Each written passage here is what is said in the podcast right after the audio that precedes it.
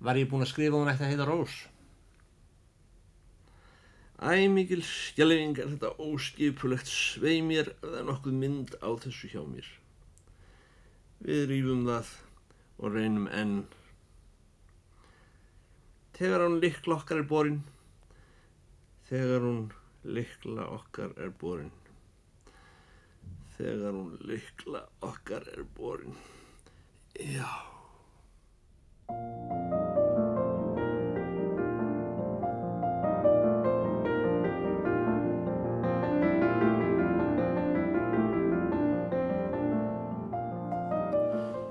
Kæri hlustundur, það er komið að síðasta þættinum í þessar röðum Órópúlsin sem mæltist á flekaskilum hins gamla og nýja fyrir réttri öld síðan árið 1922. Umbrotin skiluðu þá upp á yfirborðið sum af megin verkum móteinískra bómynda og hér höfum við engum beint sjónum að tveimur þeirra áriðamestu, Eðið landinu eftir T.S. Eliot og Odyssey eftir James Joyce. En við höfum einnig skoðað verk annara höfunda sem allu titringi og breyttu móttökuskilurðunum á þriðja áratögnum og í þessum lokaþætti er ætlunin að víkja að einum þessara höfunda, Frans Kafka. En við ætlum einnig að skoða leikbókmentir frá þriðja áratögnum og enda svo á því að velta fyrir okkur hvernig þessi umbrott bárust til Íslands. Og ástráðu við heyrðum reyndar hér í upp að við Haldur Lagsnes lesa kapla þátt í Brekkots annál þar sem hann bregður og leiki Anda Joyce og má ég vil segja að þarna sé vísa til hins fræga jáirðis sem myndar í senn upphá og endilók kapla Júlisis. Já, já, ég, það er alveg rétt. Þetta er, þetta er uh, hugsanlega íronísk skýrskotun hjá Lagsnes en, en samt merkilegt að hann leipi Joyce og þennan hátt inn í verksitt og, og liftið svona patti fyrir honum, er sem að segja. Uh, Haldur skrifaði hinbóin svona einnig efnislega umfjöllun um sum þeirra stórvirkja frá þriða áratögnum sem við höfum talað um og, og uh, til dæmis í bókinni í skaldatíma. Það er aðtilsvært að þá tekur hann ungum höfundum vara fyrir að sækja sér fyrirmyndir til verka eins og Ulysses, Etty Joyce. Taurafjalls, Thomas Amans og, og svo stórvirkis Prusts í leita glötuðum tíma. Ég held eins og er að vægið þessara verka og mannar, margur annara frá þessum tíma fælst ekki í því að, að í þeim búið eitthvað svona tilsöknum það hvernig skuli skrifa heldur heldur opnast í þeim ný landamæri skaldskapatjáningar, nýtt svið möguleika verður til mm. og, og, og þetta svið tegir sig að sumuleiti fram eftir aðrið 2000-öldinni og, og inn í nýja öld.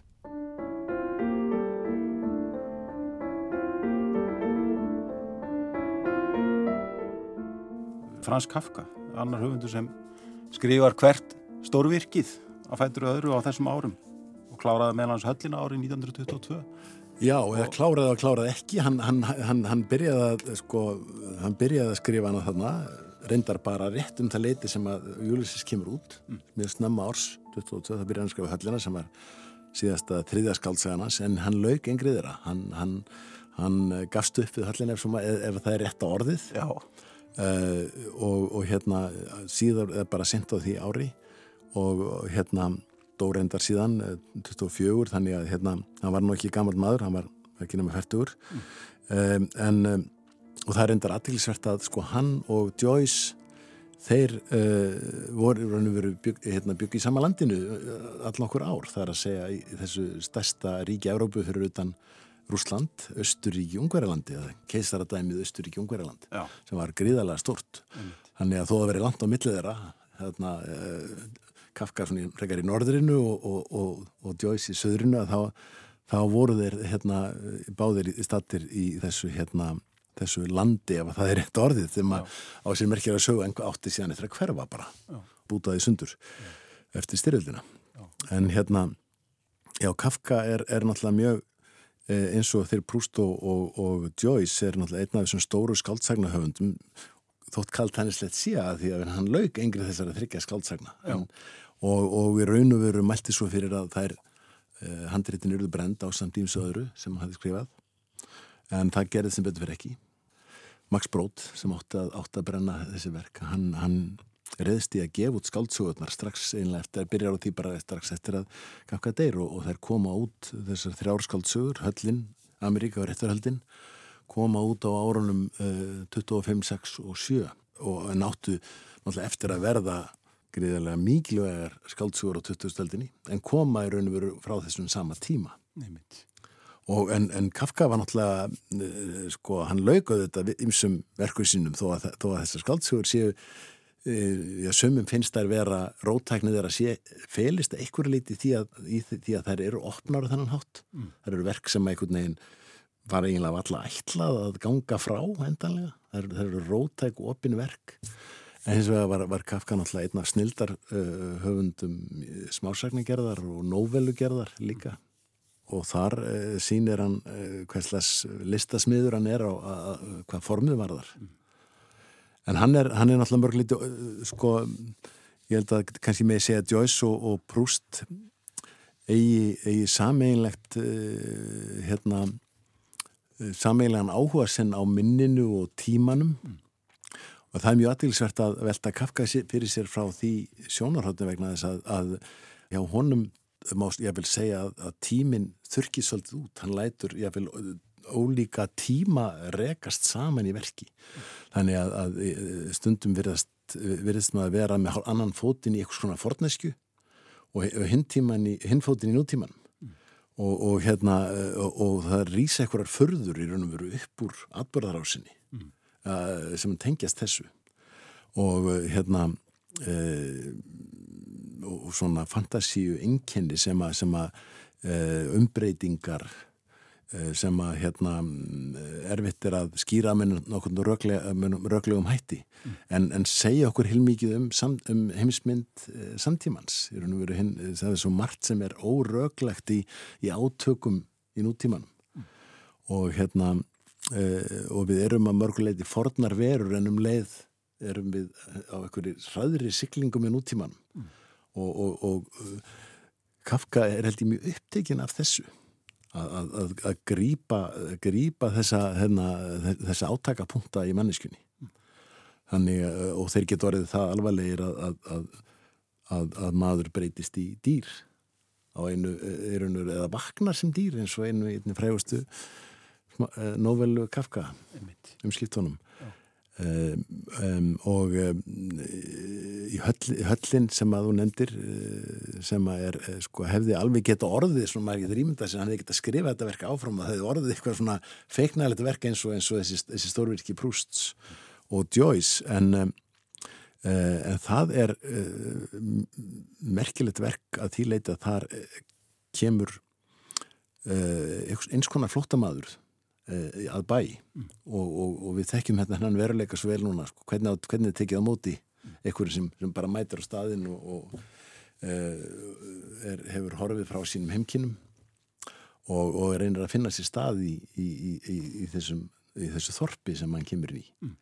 og það er höll fyrir ofan sem að skiptir verulega máli, þar er eitthvað svona stjórnarherrar og hann finnst að hann þurfa nú að komast inn í þessu höll ná þar tali af fólki og og, og þetta verður, verður hérna merkilegt innra ferðalækunin í þessari skaldsögu og, og, og mjög kafka ístens og gerðan er sagt að gengur illa að komast inn í höllina mm. þó að veginn merkingin virðist streyma þaðan uh, en leit lesandans að merkingu náttúrulega verður kannski allt önnur mm. og þetta er að mörguleiti svona forneskilugur heimur mm. þó þetta sé nútíma skaldsaga það verður eins og Kafka að dræja okkur svolítið út úr svona öllum þessum, þessu, þessu tæknivæta umhverfi nútímans í, í þessu verki mm. og lætur okkur upplifa nútíman á, á svona hálf fordlegum uh, í hálf fordlegu umhverfi, ef svona að segja.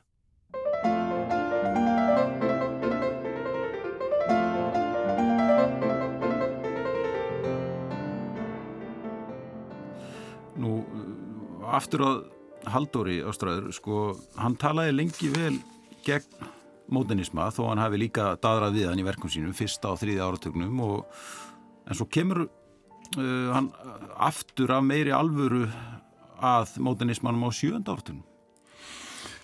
Já, ferill Lagsnes er mjög merkilegur að þessu leiti, að því að hann, hann snýrs í raun og veru alveg frá, eða svona miklu leiti frá mótenismannum, þarna eftir, eftir vegar hann mikla úlingin í skóinum og, og, og þau verka á þriði áratögnum. En svo tekur hann, uh, og það er mjög merkilegt á hérna, komin, komin yfir 60, þá, þá fer hann raun og verið að gera tilrunir að nýju og Kristni Hallindur Jökli er að sumuleiti mögnuð afurð þeirra, þeirra tilrauna og, og, og hann er og verið tegur þátt í umbyltingu íslensku skaldsöðunar með, með Kristni Haldinu en tilrunirnar hafður og verið hafist í leikritum og e, e, dugnavislunni, strómpleiknum Prunastofun Sólin e, sem kom út þarna þannan áratögu undan Kristni Haldinu það minnir nú á að við höfum ekki veitt leikbókmentum eh, mikla aðtigli í þessum þáttum um, um hérna skapandi ókýrð mótinismans.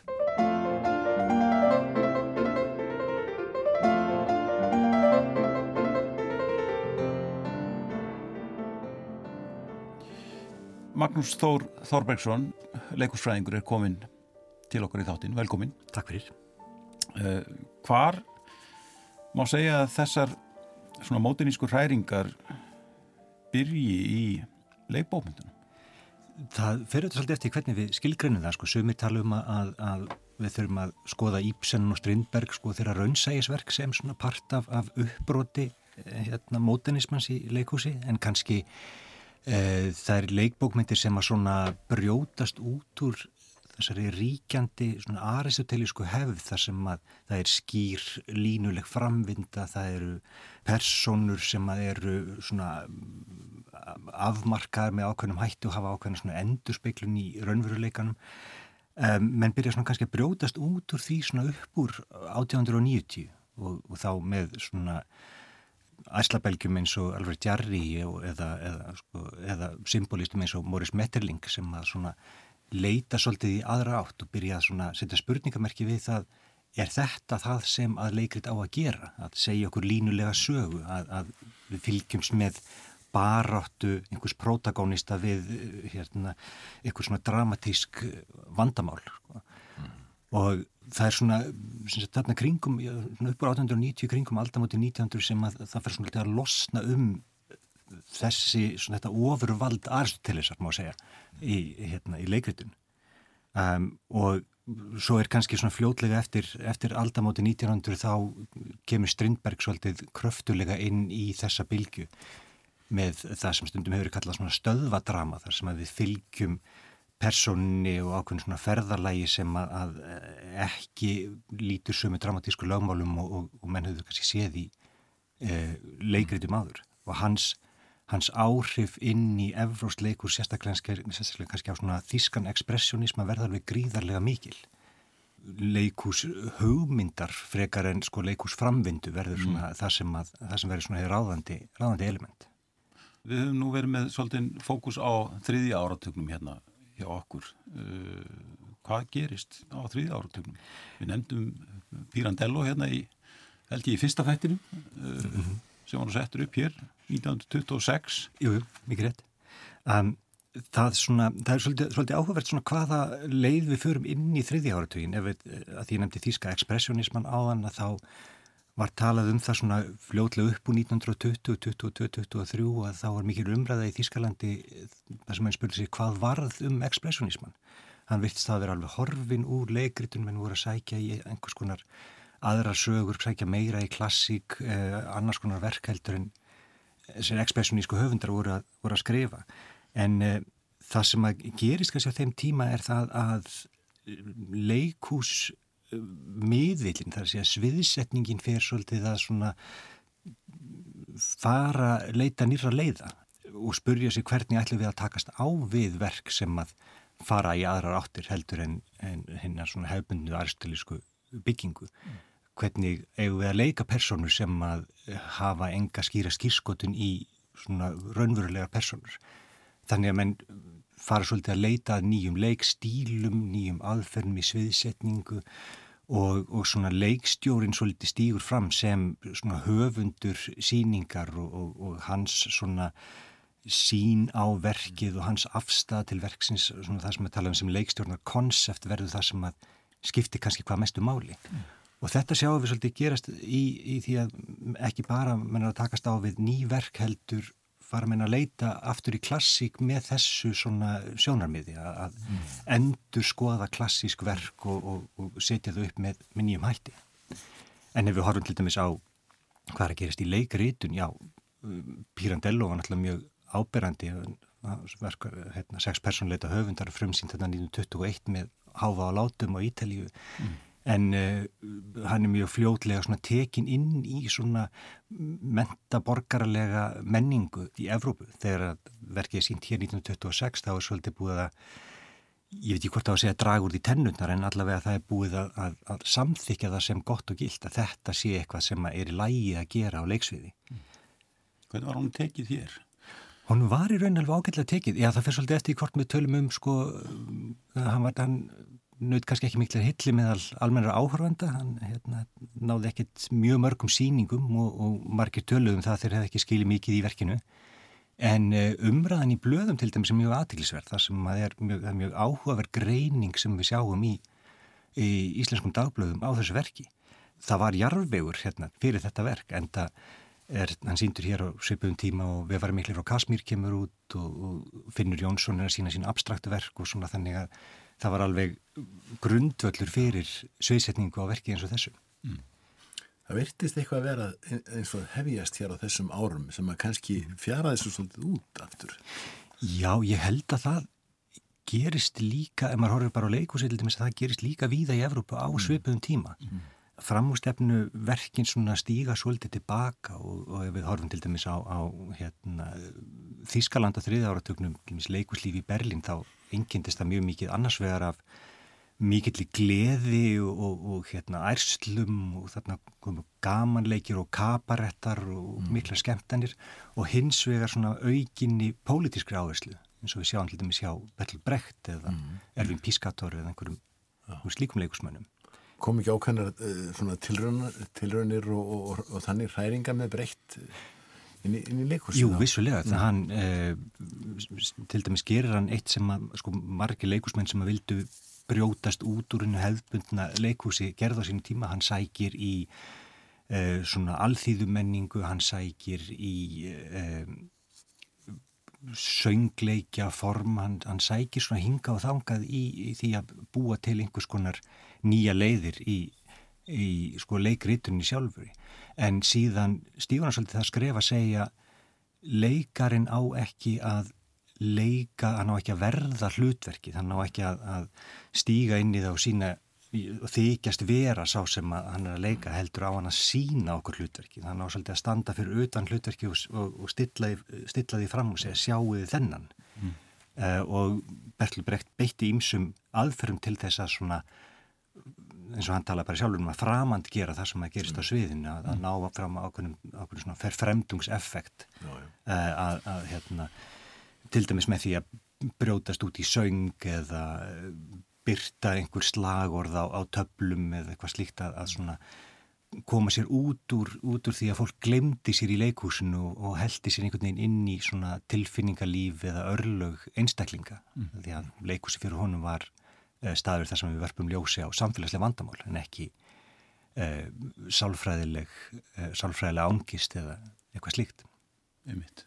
Og svo þegar líður kannski aðeins fram á öldina sko þá þá eru við eh, og, og, og horfum kannski líka kannski aðeins ynga heim sko áhrifin sem koma uh, að utan eru kannski absolutt leikhúsið eh, um og upp úr setnastríðið eða ekki Jú, það kemur alveg, alveg tölver bilgja af absolutt höfundum hinga sem að uh, eru syndir bæði hjá leikvælega Reykjavíkur í Eðnó og í þjóðleikúsinu en síðan þarna og setja þarna kringum svo 1960 og uh, það er meðal hann stopnað sérstaklega leikópur sem að, að einbeiti sér nær engungu að því að setja upp nýju nýstárleg verk sem var leikópurinn Gríma sem er stopnað 62 mm. en eins og ég segir þjóðleikúsi síndi líka Jónesko og hérna uh, leikulega Reykjavík síndi Beckett þannig að þeir, þeir bæði þessi leikús síndi töluvert af Eh, nýstárlegum verkum og svona eh, það má skæði segja að svo bylgi hafi menn hafi sótt aftur í Pirandello til þess að koma þeirri bylgi af stað mm. hann var settur hér upp aftur hann var fyrst settur upp í 1926 og síðan aftur á, á hérna, sjötta áratögnum mm. sem að svona er svolítið svona ítir þessari bylgi má segja svolítið af stað En þarna á milli er, er búinlega erfitt að sjá einhverja svona framústefnilega reyfingar í íslensku leikúsi og reyndar ef maður horfir yfir til Európa líka þá millir 1930 og 50 er ekki mikið að gerast í því að svona brjótast út úr hefðmundnum formum. Þannig að, að þessi stóru leikus okkar, þjóðleikúsið og, og, og, og hérna uh, og eðnó, þau, þau eru sjálfsvegar ekkert langt á eftir tímanum í Evrópum að þessu leiti og eru verðast þeirra opinn líka fyrir svona framúrstefnilegum verkum. Já, í rauninni, og þá má í rauninni segja það líka þegar að, að, að þarna á þriðja ártöknum þegar að Pirandello er síndur að það er tölvist mikið verið að fylgjast með hvað er að gerast annar staðar. Mm. En breytingin sem verður kannski þarna fyrir og eftir eh, frá, frá þriðja ártöknum og, og fram á, á svona þann 57. er að um, menn fara að horfa annað heldur en bara til Danmörkur. Mm. Pirandello kom hingað í gegnum Kaupmannahöfn til dæmis Um, þar var hann syndur í, í svona leikúsi sem að leikulega Reykjavíkur horfið mjög mikið til og tók mjög mikið af nýjum verkum mm. þaðan en, en svona uh, þegar kemur fram undir 1960 þá er menn að horfa til Fraklands, til Breitlands og svona til andra landa til þess að sjá hvað er nýtt og spennandi að gerast og með sko opnun þjóðleikúsins þá, þá fer svolítið svona þessi krafa í ganga við verðum að fylgja svolítið vel með því sem er að gerast annar staðar til þess að við getum staðið undir því að vera með stóra stopnun eins og, og þjóðlugus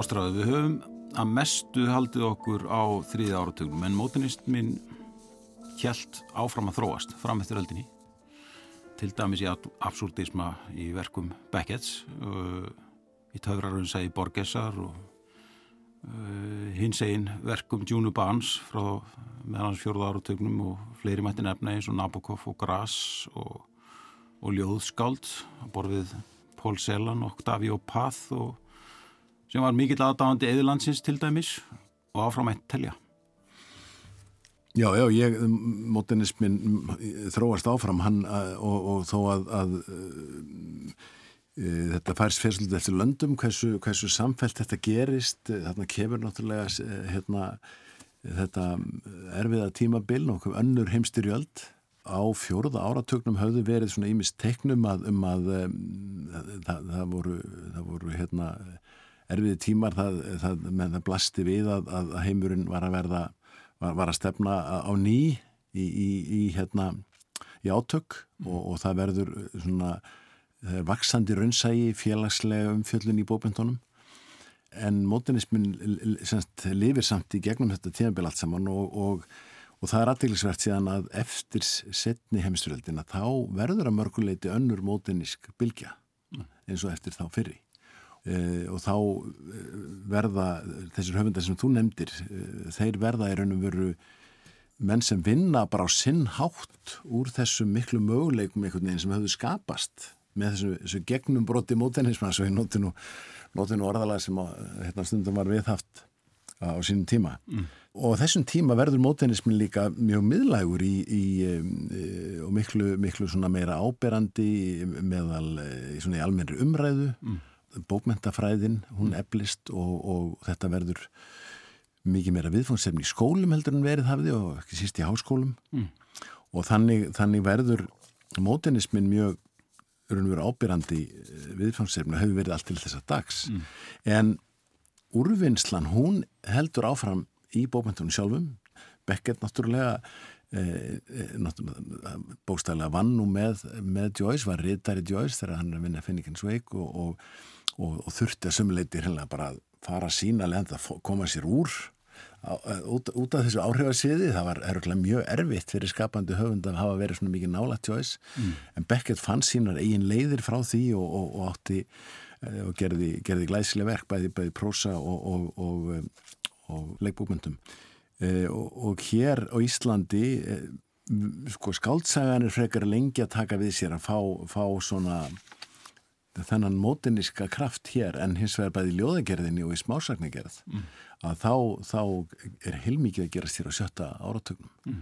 og um, um það hefur nú tölurist mikið verið fjallað þessi svo kallega formbilding sem að mörgum þóttu náttúrulega alls svakalega vegna þess að menn töldu bara að íslensk ljóð væru bragbundinn og háttviss mm. þannig að, að þegar að þegar stedsteinar og, og síðan atomskaldin fara að, að hérna sér til rúms þá skapast einmila deilur hér mm. uh, en þar er Elliot, hann er auglust að hann uh, hefur haft uh, áhrifamarga hér á Íslandi þó, þó að mann hefur unnið úr honum svona ólíkan hátt það getur maður að séð bara þegar maður lítur á svona þessar menn sem kannski kallaðir eliotistar svolítið á sín tíma, Sigfús Daðarsson og, hann, og Hannes Sigfússon mm. en fara raun og veru mjög ólíka leiðir í, í ljóðlistinni oh síðar þegar líður fram á eldina þá er, er hérna, hefst umræða um postmodernisma mm. og, og það er, er kannski alltaf flókið mála að fara úti í, í smáandriðin hér en, en það snýsta mörgum leiti um viðtökur modernismans og, mm. og, og verða mjög ólíkar sem er töldu að, að postmodernismi væri, væri einhvers konar rótægt uppgjör við modernisman en aðrir bentu á að, að þetta væru höfundar sem að litu til modernismans sæju í honum eitthvað sköpunarkraftin en, en, en væru alveg færur um að vinna á sinnhátt og, og halda áfram þessum tilraunum. Ég held að, að tilrauna húttækið og, og ég rendar líka á þetta orðið tröflun, þetta er svona eh, sköpun svolítið á, á, á, hérna, á vegum tilrauna og, og tröflana, það er sumleiti verið að tröfla hefðbundna samskipta form í þessum verkum. Skap ykkur óróa. Skap óróa og og ég, ég man eftir því hérna að eitthvað tíma ráðstefnu fyrir mörgum árum að þá lendi ég í mjög skemmtilegum uh, samræðum við ítalskan fræðimann sem að hefði heitt mig halda uh, fyrirlestur og verið að tala um tilraunir. Og hann sagði nei, tilraunir nota maður ekki um, um svona fullsköpuð snildarverk. Tilraunir eru eitthvað sem að fólk getur stundaði í reillistanámi eða, eða, eða eitthvað slíkum stöðum. En, en, en, en við varum alveg ósamal á þetta, verðan að ég þótti sjá tilraunir í verkum þó að þau teltust vera, vera brakandi snild að, þá, þá sér maður að sumuleiti tilrunir ansmænis bókmyndasögunni það, það er verið að draga úr henni mismunandi þræði og tengja saman á nýjan hátt. Og það gerðu mótenistadun og það er, er aðteglisvert að þó að sumir á róttakari mótenistunum það er að segja framúrstafnum mennandi sumir vildu vísa allir í hefða á bög þá er þessi verk sem við höfum verið að uh, tala um í þessum þáttum þau er að sækja sér um, heilmikið til hefðarinnar mm. og, og litur bara svo á að það veri þeirra hlutverk að endur nýja þessar hefðir og, og, og í raun og veru að vinna á, á fleirin einu tímaplani svo má segja mm.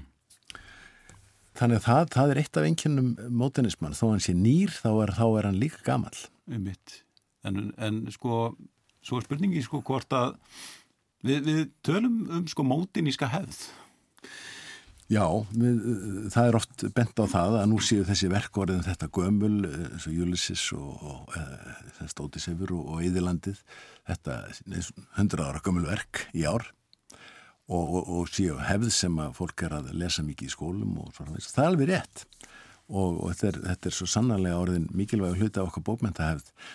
Ég hef litið svo á að, að og hef orðað það svo að, að mikilvægast verk mótunismans hafi ekki orðið hefð í hefðbundnum skilningi mm. ákveðin orðaleikur í þessu kannski mm -hmm. en, en felur það samt í sér að, að þetta sé ekki hérna, fellur ekki í svona ákveðinar sköpunar brautir sem eru á eitthvað nátt uh, minnstur sem að, sem að uh, bókmyndasamfélagið bara samþykjir og getur gert ráð fyrir mm -hmm. og það með viðtækandur og lesendur menn ganga ekkit að neinu slíku vísum þegar meðan fara allins frá einu mótinísku verki yfir í annað mm.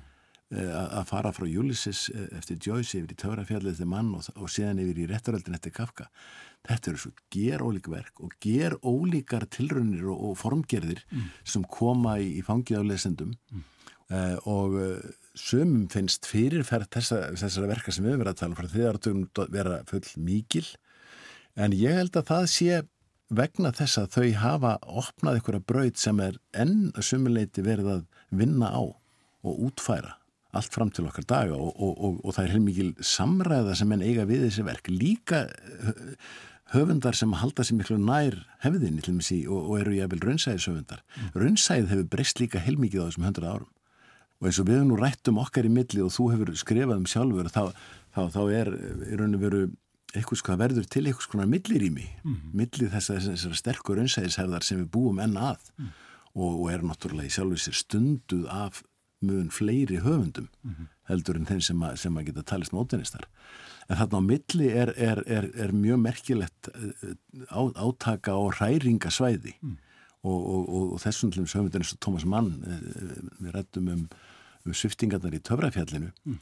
en aðrir líta á Thomas Mann mikið frekar sem raunsæðishöfund og enn aðrir líta svo að hann sé svona svo höfundur sem einhvern veginn fer á hvenna millilið Það er líka annað sko í umræðinu mótinism að, að, að sko það hefur litið á hann sem hámenningu mm. Og, og honum stilt þannig upp svona gegn þá einhvers konar afþreyingarmenningu eða einhvers svona lærri formum eða einhverju slíku. Þetta hefur stundum aldrei svona svolítum erfileikum í umræðinu um og viðtökunum. Jú, það hefur gert, það, hefur gert það og það er eh, hérna, stundum hefur þessi umræða orðið allt of þrönga mínum aðdi Eh, það er þetta augljóst að sumið sér að verka eins og ég nefndi áðan er að sækja til hefðarinnar og verðast svona svolítið staðfest eitthvað skonar hámenningar status, ég meina Ulysses er eitthvað skonar nútíma tenging við Ódísefs kviðu mm. sem er náttúrulega bara eitt af þessum stórverkjum hensbókmentana mm. uh, og verðist þar með segja veitum, ég er í þessum flokki og, og stundum er litið svo á að, að, hérna, að, að þarna þarna byrtist einhvern veginn andlit mótunismans, hann ætli sér að grýpa hámenni og, og verða að hámenningar afli í, í nútímanum. Mm. Umræðan einnkjörni stundum að þessu er mjög hlunumfrekar og neikvæðum nótum en telja að, að, að mótunismi sé frekar snoppað fyrir bæri, geri út á að hérna einhvers konar jáfnvel uh, lærða nálgun já. í lestri bara eins og... Viðfánsefni háskóla vendara og, og háskóla profesora. Já, en sko sem betur fyrir að hafa ímsir uh, eh, kollega mínir í bóbundafræðin hafa lagst, lagst yfir þessi verk og bent á að, að þau eru oft heilmikið samræðu við afturreyingamenningu mm. og, og hérna uh, og, og, og það eru einhver leiti komið fram í samræðum okkar um, um Ulysses að, að, hérna, að Joyce er ekki bara að hérna, taka upp þræði frá einhvers konar hámenningalegum textum. Hann er í samræðu við kvestasmenninguna í diblinni einmitt allt frá fjölleika húsum yfir í, yfir í sönglög og, og revíur og alls konar skemmtana líf borgarinnar mm. og þó allumis eh, höfundur eins og Elliot eh, í Eðalandinu virðist að sumuleiti vera að, að svona gefa lítið fyrir nútímalegt hverstags líf í þessi ákala íróniskum hætti mm. þá er hann samt að veita aðtegli alls konar uh, aftreyingar fyrirbærum og, og tengja merkingar heim verksins við þau líka. Mm. Það er upplifið kannski um, frekar mótinisman eins og svona, ég kallaði þetta opið svæði, þetta er svona eins og eitthvað mm. leiksvæði sem þú getur farið inn á og það er eiginlega viðgengst hvað sem er þar og, og, mm. og, og það er kannski orðið þannig núna sko og stundum við nú talaðum að mótinismin sé enþá á lífi og sé enþá að verða já, já. til og þróast og þannig er svona frjálst svæði til að leika sér á. Já og ég held að það sé kannski arleið mótunismans að, að, að, að það er mikið um frekar aðferðin það að taka upp þræði ymsa menningar þræði og spinna saman við aðra mm. þetta, þetta sér maður þess að hérna, höfund að gera uh, við töluðum um Berlín Alexanderplatz eftir Alfred Döblin sko hann fer á kaf í bæmar menninguna mm. hérna, í Berlín á, á, á þessum, þessum mjög svo uh, sérstöku árum áður en að uh, nazistarna á völdum og bara koma sinni stjórn á hlutina að þá er svo Marta Grassera í þeirri borg mm. og, og þessi skaldsaga hún bókstæðilega sogar til sín skemmtana lífið, undirheimana uh, fjölmiðlana uh, þetta lendir allt saman í, í, í bara deglu sem, a, sem veginn sem lesandi bara dregst inn í. Já, einmitt. En sko uh, svona þessi alþjóðlegi mótinismi berst svona hægt og hægt til Íslands fram eftir öldinni og, mm. en, en svona þessi stóru verk frá þessum sem við höfum verið að tala um hérna frá þrið ártögnum mm. þau er ekki þýtt á íslensku fyrir sent á síðust öld Já, það er mjög sérstætt og, og, og hérna e, það var svona einhvern veginn til tregða við að, að ráðast í að þýða þessi verk mm. Uh, og ég er mikið velt vöngum yfir þessu og ekki komist að einni, einni niðurstöðum þetta, ég menna það, það er með Eidilandi, það var reynd að fá fá hérna valinkona menn til að þýða það lengi, eh, sko, og það, það vildum en það ekki að þeir hættu eftir þannig að, að, að hérna, það er það er komið fram á 8. ára til langt fram á 8. ára til þegar kemur fyrsta þýðingin og hún er gerðað mentaskóla strák Já. sem við rættum við hérna einn valin kunnum eh, mentaskóla strák Agli Helgarssoni en, en eh, og svo tíði Sverre Hólmarsson eðilandið nokkur um ára síðan 1990 og hérna þannig að þetta er náttúrulega mjög sent og, og, og, og Joyce kemur ekki fyrir 92-93 og það er ekki vika uh, til þess að það, er, er annar reynd við Júlisis Nei, ég er ekki, ekki hert um það. það er bara, já, það er, það er Sigurður Magnússon er eh, fengin, fengin í, í þetta stórverki. Eh, nú, nú Prúst, það er bara, fyrst, bara svona fyrstu tvær bækurnar eh, komið út í þýðingu Pétur Skunnarssonar sem er nú sá sem bendi okkur á að hvað lindist í brekkukotts annál svo, svo það glemist ekki þannig að það var hjá okkur hérna um daginn. Að það er eh, brotur Júlissis í vissri mynd. En, en hérna eh, nú um, fyrsta skaldsaga eh, Kafka kemur kemur ekki fyrir 83 mm. uh, og, og, í þinni þýðingu og, já, og, og föðumís Eistens og þannig, þannig má áfram telja og, og, og við vorum með þýðanda Töfrafjálsins hér í síðasta þætti og, og það, hérna, það, það er enn óut komið en, en kemur vonandi á þessu ári.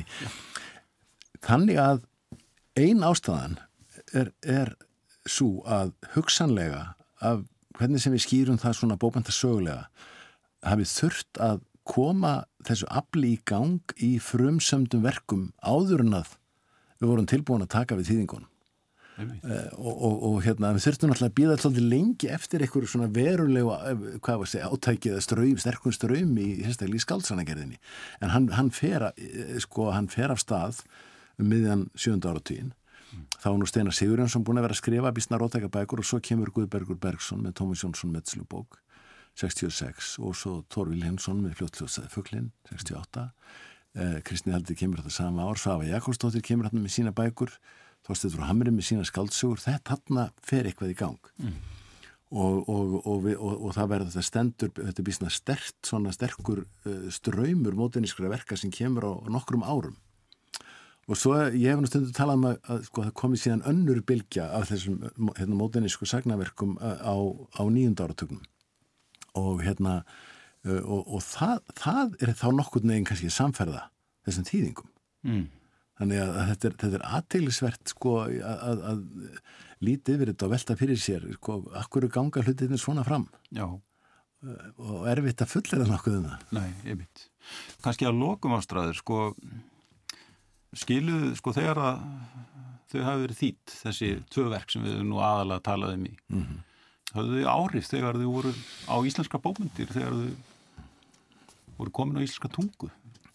Ég held, ég held að það sé mjög erfitt að, að fullir um áhrif þegar verk koma inn í bókmyndaheimin og þennan hátt vegna þess að, að margir þeirra höfundar sem að þau getur hugsanlega haft áhrif á uh, hafa mjög líklega kynnt sér þessi verk mm. á, erlendu málum.